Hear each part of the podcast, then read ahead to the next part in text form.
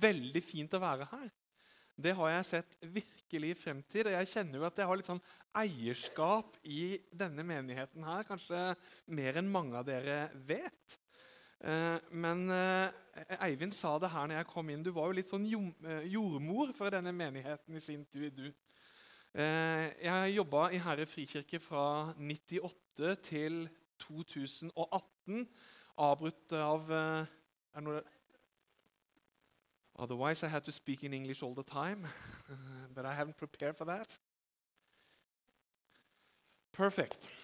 Then everything is arranged with. Som jeg sa, eh, jeg opplever at jeg har litt sånn eierskap i dette. her, litt eh, i det tråd med det Eivind sa når jeg kom, og være litt jordmor for denne menigheten. Fordi Jeg var pastor i Herre frikirke fra 98 til 2018, avbrutt av noen få år hvor jeg gjorde litt andre ting. Men i den siste perioden min så kom tanken blant en del her. Er det mulig å få en frikirke etablert i Ulsteinvik? Og Da var henvendelsen til meg som pastor og til oss som Herre frikirke i starten om vi kunne gi litt støtte og hjelp på veien. Og det gjorde vi med glede, og møtte jo noen av dere, en del som ikke er her nå i dag, eh, til mange samtaler i små grupper, litt større grupper, og så har det utvikla seg til det det er i dag. Så Sånn sett føler jeg at jeg har veldig stort eierskap i det og gleder meg over å se det dere får til, det dere gjør fra uke til uke, måned etter måned. Så en stor takk for det. Og så har jeg gleda meg skikkelig til å se dere. Det er jo, som Monica sa, en utrolig fin gjeng. Så takk for invitasjonen. I 2018 så endte jeg eh, min pastorgjerning i Herre frikirke. Da hadde jeg til sammen vært der i ca. 17,5 år. For å begynne i Norges kristne råd, som er en paraplyorganisasjon for kirkene i kirkesamfunnet i Norge. Noen av dere kjenner til Norges kristne råd, andre kjenner det kanskje ikke så godt. Men 25 kirkesamfunn i Norge hører sammen i Norges kristne råd. Med Den norske kirke og Den katolske kirke som de to største. Den norske kirke definitivt størst. Og så Blant alle frikirkene så er pinsebevegelsen den største. Og så sprer det seg nedover frikirken den nest største, og så kommer de andre deretter helt til de minste medlemskirkene, som noen nesten ikke har hørt om, som Kvekersamfunnet og Den nordisk-katolske kirke, med mer enn, litt mer enn 100 medlemmer hver. Ikke store. Så det er veldig stor variasjon. Men vi arbeider ut ifra Jesu ordes Johannes 17, 21, der han ber i den ypperste prestelige bønnen må de alle være ett, for at verden skal tro at du har sendt meg enhet for at verden skal tro at du har sendt meg. Det har vært eh, eh det viktige for Norges kristne råd i de 30 årene vi har eksistert. Og så har jeg blitt utfordra av Eivind ut ifra at dere har et tema denne våren, Guds rike i praksis. Og Han spurte konkret om jeg kunne si noe om glede i motgang. Jeg ser at jeg har skrevet et sted også i medgang og motgang, men kanskje hans fokus var mest på, eller deres fokus var mest på motgang. Glede i motgang. Og Den teksten jeg har fått som utgangspunkt for eh, det jeg skal dele med dere, det er fra, fra Apostlenes gjerninger 16, vers 16 34. Det er en ganske lang tekst, iallfall lenger enn den Eivind hadde når han prekte sist her. Så eh, jeg håper at dere sitter godt, lytter godt, når vi nå leser sammen. Apostlenes gjerning, Acts 16, verse 16-34. En gang vi var på vei til bønnestedet, møtte vi en slavekvinne som hadde en spådomsånd i seg. De som eide henne, tjente gode penger på spådomskunstene hennes. Hun fulgte etter Paulus og oss mens hun ropte og skrek. Disse folkene er tjenere for Gud, den høyeste, og de forkynner dere veien til frelse. Dette gjentok seg flere dager. Da ble Paulus sint, snudde seg og sa til ånden.: Jeg befaler deg Jesu Kristi navn, far ut av henne. Og den forlot henne på timen. Da herrene hennes forsto at det ikke var mer fortjeneste å håpe på, grep de Paulus og Silas og trakk dem med seg til myndighetene på torget. De førte dem fram for byens romerske dommer og sa:" Disse mennene lager bråk i byen vår. De er jøder, og de forkynner skikker vi ikke har lov til å godta eller følge, vi som er romerske borgere. Folkemengden deltok også i angrepene på dem. Og dommerne fikk klærne revet av dem og befalte at de skulle piskes. De fikk mange slag og ble satt i fengsel, og fangevokteren fikk ordre om å vokte dem. Da han hadde fått den ordren, kastet han dem i den innerste fangehullet og låste føttene deres fast i blokken. Ved midnattstider holdt Paulus og Silas bønn og sang lovsanger til Gud, og fangene lyttet til dem. Plutselig kom det et kraftig jordskjelv, så grunnmuren i fengselet ristet. Straks sprang alle dørene opp, og lenkene løsnet av alle fangene. Fangevokteren for opp av søvnen og så at fengselsdørene sto åpne. Han grep et sverd og ville drepe seg fordi han trodde fangene var rømt. Men av all sin kraft ropte Paulus til ham, 'Ikke gjør deg selv noe vondt. Vi er her alle sammen.' Fangevokteren ba om å få lys, løp inn og falt skjelvende ned for Paulus og Silas.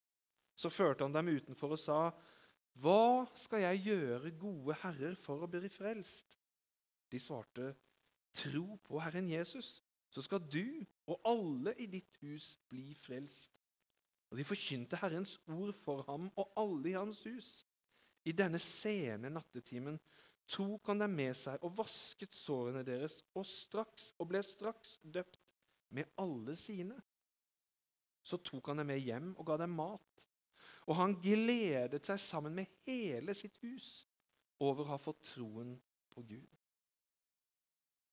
Slik lyder Herrens ord. La oss be sammen. Gode Gud, jeg takker deg for ditt ord til oss i dag.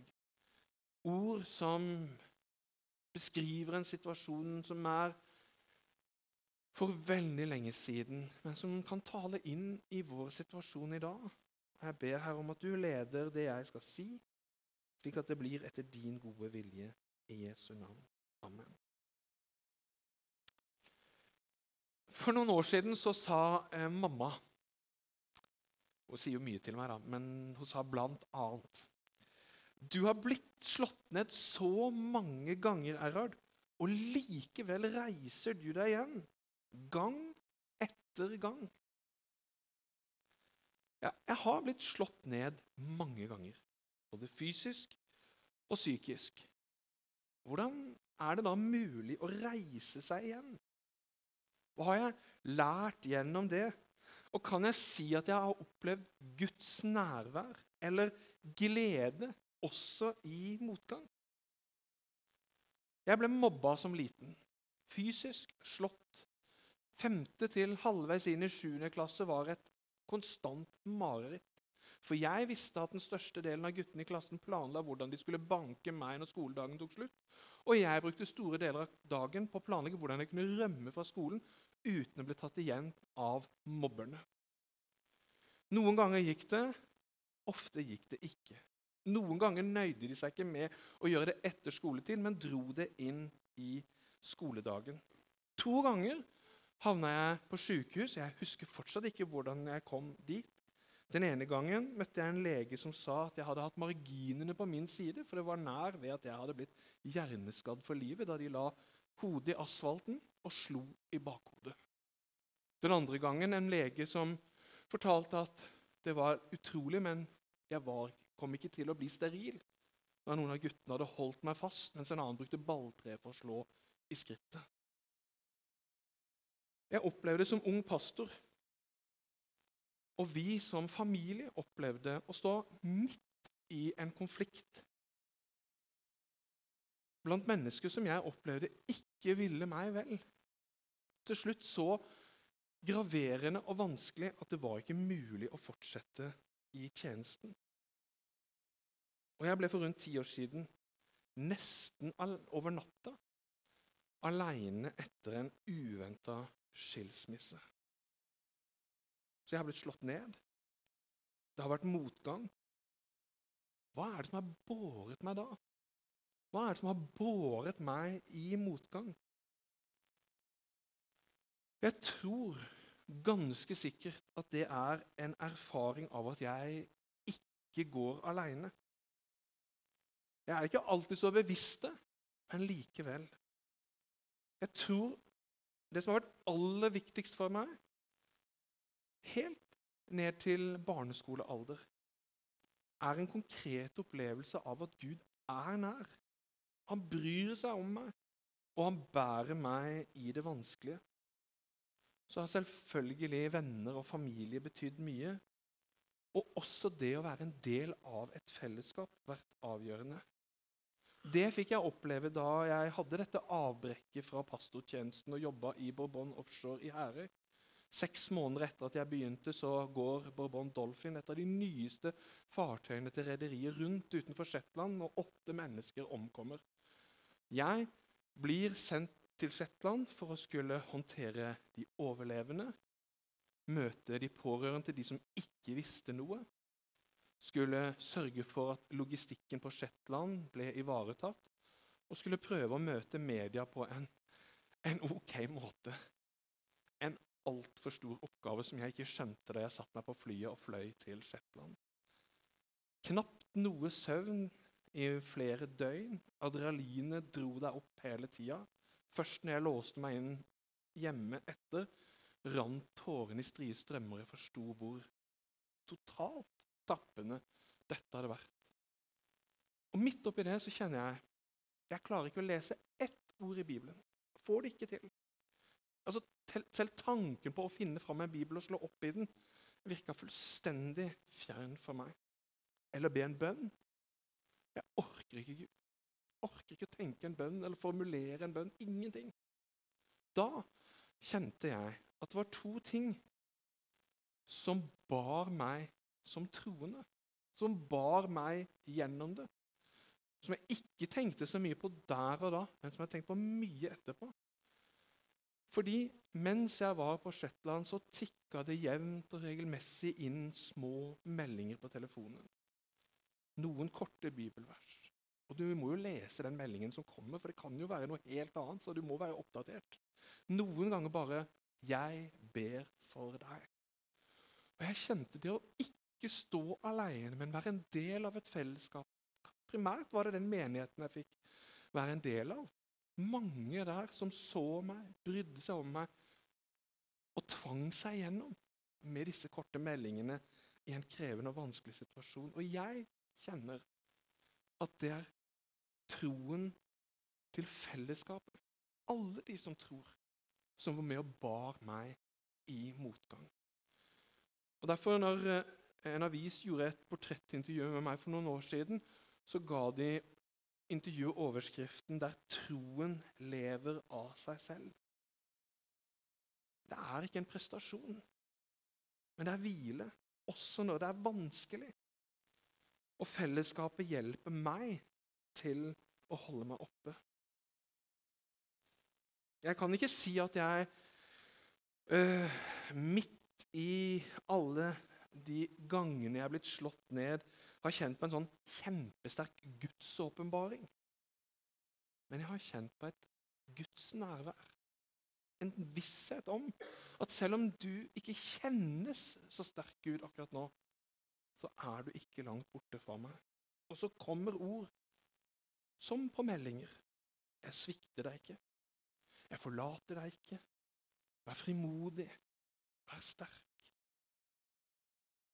Og Da noen på et ganske mørkt tidspunkt spurte meg om mitt forhold til Gud, sa jeg det kan best betegnes som et dypt avhengighetsforhold.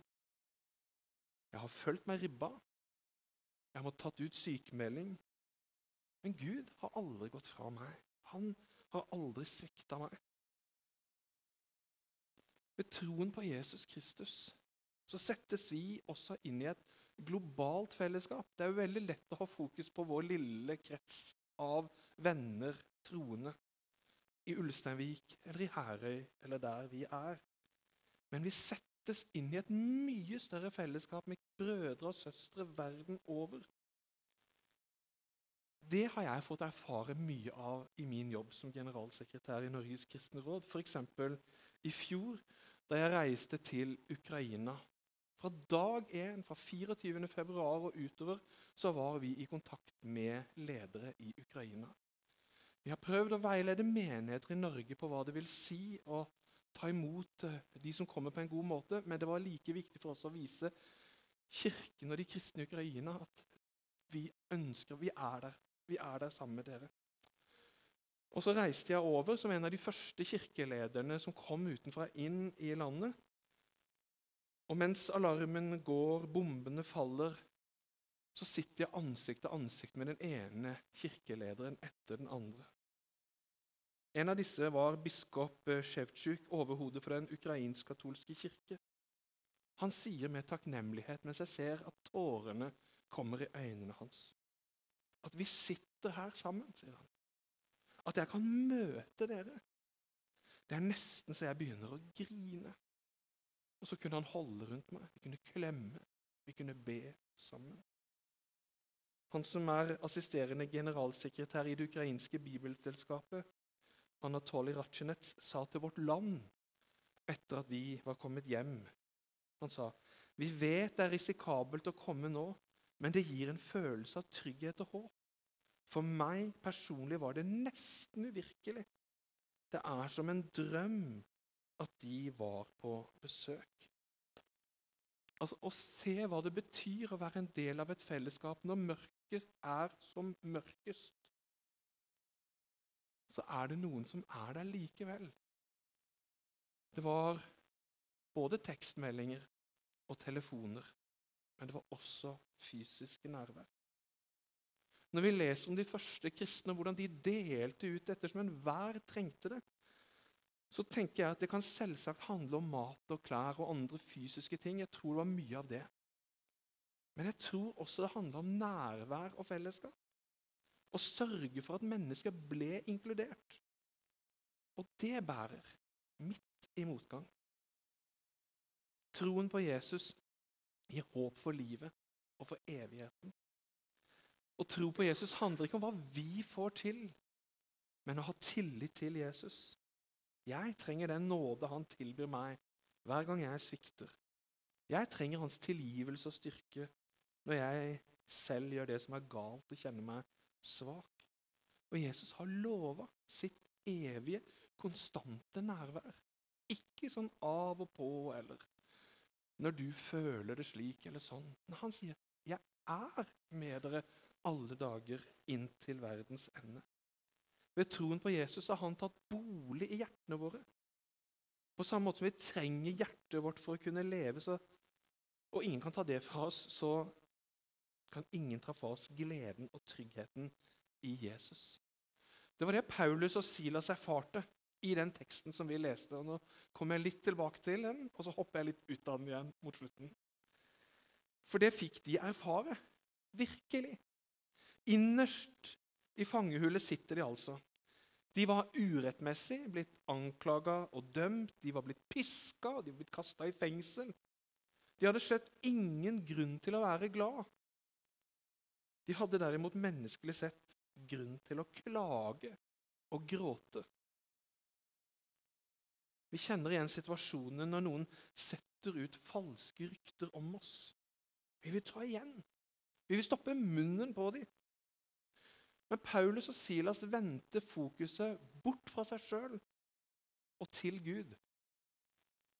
Rent menneskelig i deres situasjon kan jeg ikke tro at det kan ha vært veldig lett. Jeg hadde i hvert fall slitt veldig med det sjøl. Men de gjør det. De vender fokuset bort fra sin egen situasjon og de menneskene som har påført dem det de har, som er grunnen til at, at de er der de er, og vender det til Gud. Og Det var derfor midt på natten i denne fangecellen at det lyder lovsang, takkesang, bønner. Medfanger og fangevoktere lytter. Paulus hadde erfart noe viktig. At det er én ting selv ikke falske anklager, dom eller fengsel kunne ta fra dem. Guds nærvær. Han er ikke langt borte fra en eneste en av oss, sier Paulus i en annen sammenheng. Midt i motgang skinner Guds kjærlighet gjennom Paulus og Silas. Fangevokteren som våkner og møtes av dører på vidt gap og lenker som ikke lenger sikrer fangene, og frykt som lammer. Hans eneste tanke er å ta sitt eget liv. Og så får han høre Paulus rope, 'Ikke gjør deg selv noe vondt. Vi er her alle sammen.' Og der og da skjer det noe med ham.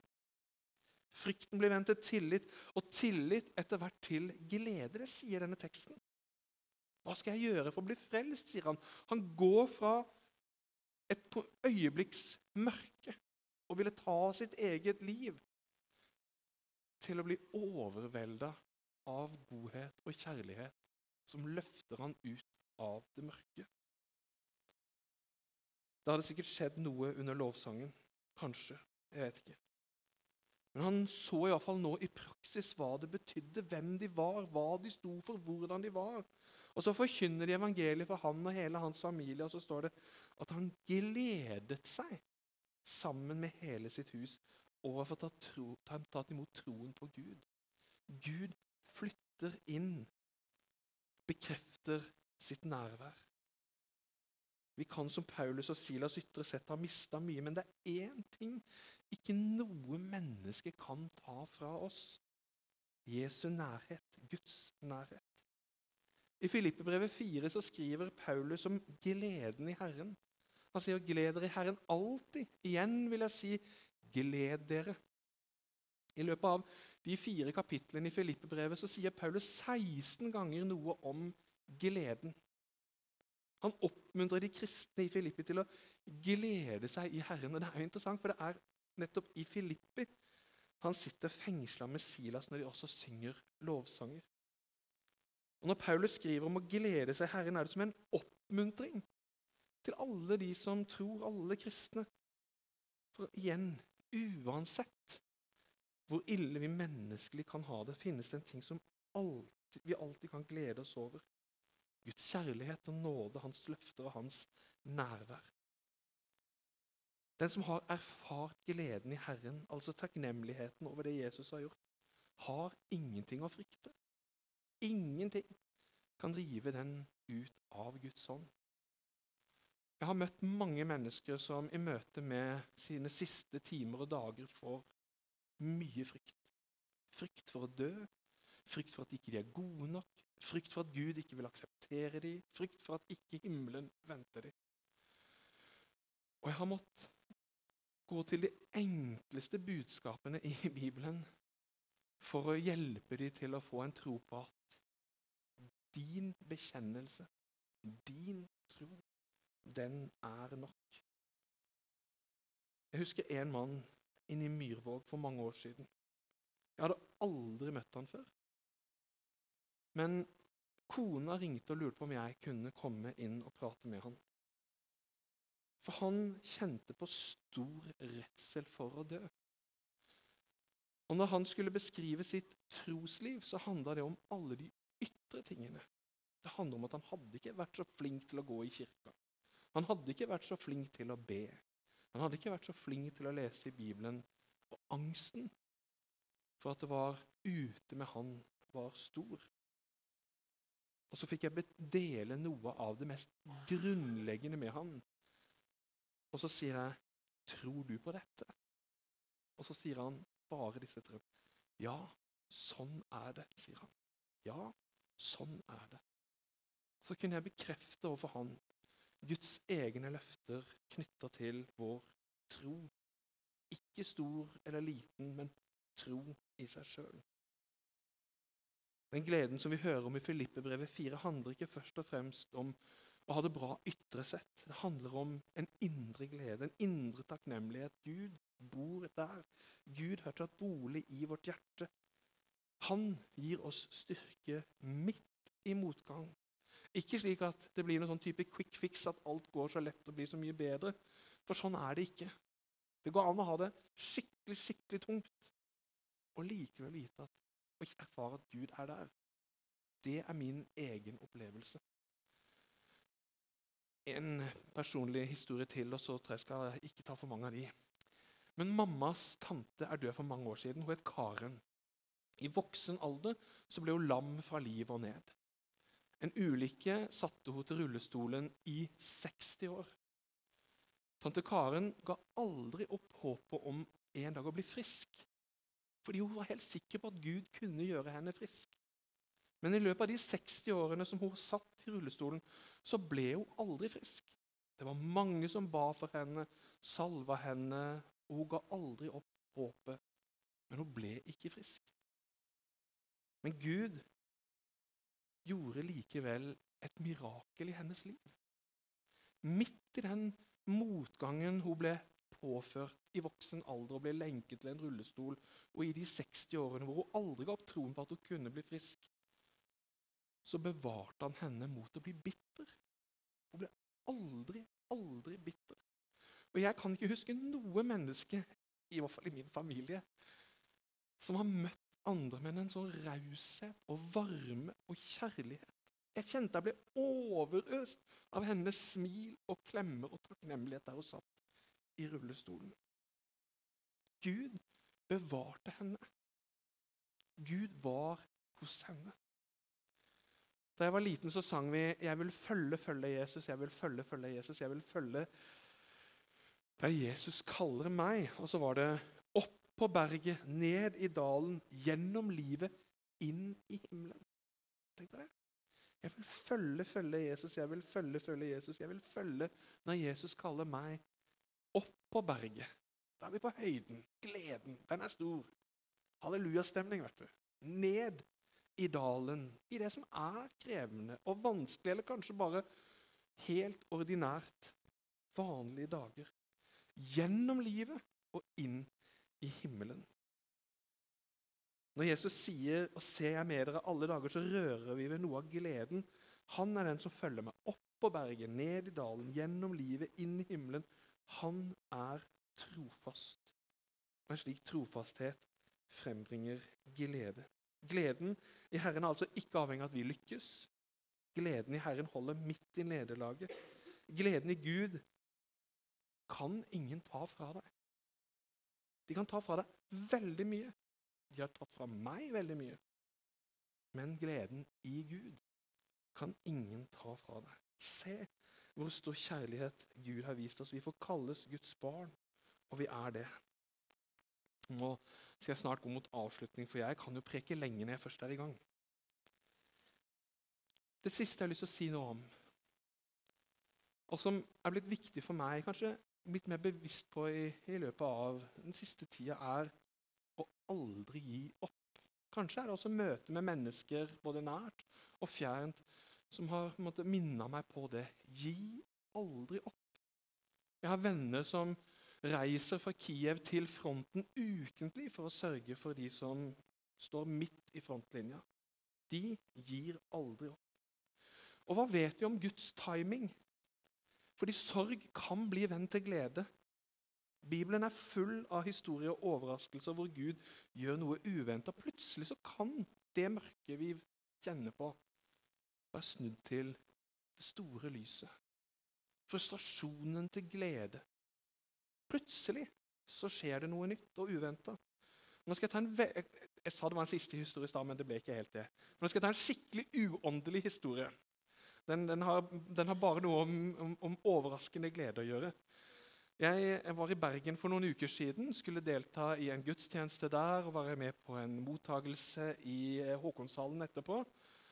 Og jeg eh, hadde fått beskjed at eh, jeg skulle sitte på bord fem, plass én. Og bord fem, plass igjen, da liksom spiller gjennom hodet som tenker at 1, 2, 3, 4, 5, det er et sånt stykke ut i, i Håkonshallen. Så jeg er på gudstjenesten, drar på Håkonshallen og Så kommer jeg inn og så ser jeg at eh, bordoppsettet var litt annerledes enn det jeg hadde sett. Det var sånn, et langbord, og ut fra den var det åtte pirer. Og fem var i midten av de. Og når jeg tusler opp, så dunker hun som er leder for samisk kirkeråd meg i ryggen, og så sier hun jeg er nå glad for at det er du som får kongen til bords. Kongen til bords? Og så snur jeg meg over bordet og så ser jeg på glasset, og så står det HM Kongen. Det ble en fantastisk lunsj, dere. Hvor jeg fikk snakke med kongen om så mange ting. Det var overraskende glede. Det kan jeg bare si dere. Fullstendig uventa. Og jeg tror At noen ganger så venter det litt sånn uventa glede på oss. Jeg skal ikke gå inn på alt vi snakka om det mellom meg og kongen. Men det var veldig, veldig fint. Derfor, For ikke så lenge siden så hørte jeg om et eksperiment som understreker nettopp det å aldri gi opp. Et helt sant eksperiment, og noen av dere har kanskje hørt om det før. Et eksperiment som var gjort i en fisketank. Hver dag på samme tidspunkt i det samme hjørnet av tanken som ble fiskematen sluppet oppi. Maten ble sluppet i, og fiskene strømma i for å spise maten som ble servert. Etter noen dager så sto fiskene klar før maten ble servert. og det den slapp, så var de der med en gang. Så tok de og fyrte ned en glassvegg i hjørnet av denne fisketanken. Sånn at denne glassveggen skilte fiskene fra stedet hvor maten ble servert. Fiskene sto klar, maten ble lagt oppi, og de svømte til, og de smalt rett i glassveggen. Det skjedde dag etter dag. Til slutt så ga det ikke fiskene å komme lenger. Så fjerna de glassveggen igjen. Slapp fiskematen fortsatt oppi. Og hva skjedde? Fiskene hadde gitt opp. De kom ikke. Maten kom, men fiskene kom ikke. Motstanden over tid hadde gjort at de ga opp. I Jeremia 29 så står det om Guds folk som er bortført til fangenskap i Babel. Og de har det innmari tøft, fordi det er bare altså Sammenligna med Paulus og Silas så tenker jeg at det er nesten ingenting. Fordi det er falske profetier som spres, det er løgner som lever. Folk har en umoral som er hinsides. Og gudsfolket, israelsfolket, de tror jeg har bare lyst til å flykte, rømme derifra. Men så sier Gud til dem, og det er knytta til det løftet som vi ofte refererer til uten å ta med hele sammenhengen. For jeg vet hvilke tanker jeg har med dere, sier Herren. Fredstanker, ikke ulykkestanker. Jeg vil gi dere fremtid og håp. Han sier, bli i byen. Sørg godt for byen. Han sier det konkret slik. Bygg dere hus og bo i dem, og plant dere hager og spis frukten. Ta dere koner og få sønner og døtre. Ta koner til sønnene og gift bort døtrene deres, så de kan få sønner og døtre. Der skal dere bli flere og ikke færre. Dere skal fremme fred for den byen som jeg har ført dere til i eksil, og be til Herren for den. For når den har fred, har også dere fred. Altså Han sier ikke 'bli en liten stund', men han sier 'bli i generasjoner'. Bli trofast i denne byen. Gjør det som er godt for denne byen. For når det går byen godt, går det dere godt, og det er mitt ønske. Ikke at de som kan være med og spre velsignelse og godhet, flykter unna, men blir trofaste. Gud har ført dem dit fordi han har et kall og en oppgave til dem. Og de står på, holder ut. De gir ikke opp. Og vi kan møte på mye kamp, motstand, vanskeligheter. Men gi ikke opp. En gammel sang av Bjørn Eidsvåg kom nylig til meg. Eh, og Denne sangen heter 'Håp'. Og der er, Det fins noe av denne staheten, påholdenheten og håpet i det han synger. Håpet tar de aldri fra oss. Vi gir aldri opp. Kosmos finnes midt i kaos. Vi gir aldri opp.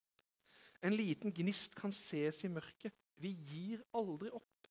Det kommer regntid etter tørke. Vi gir aldri opp.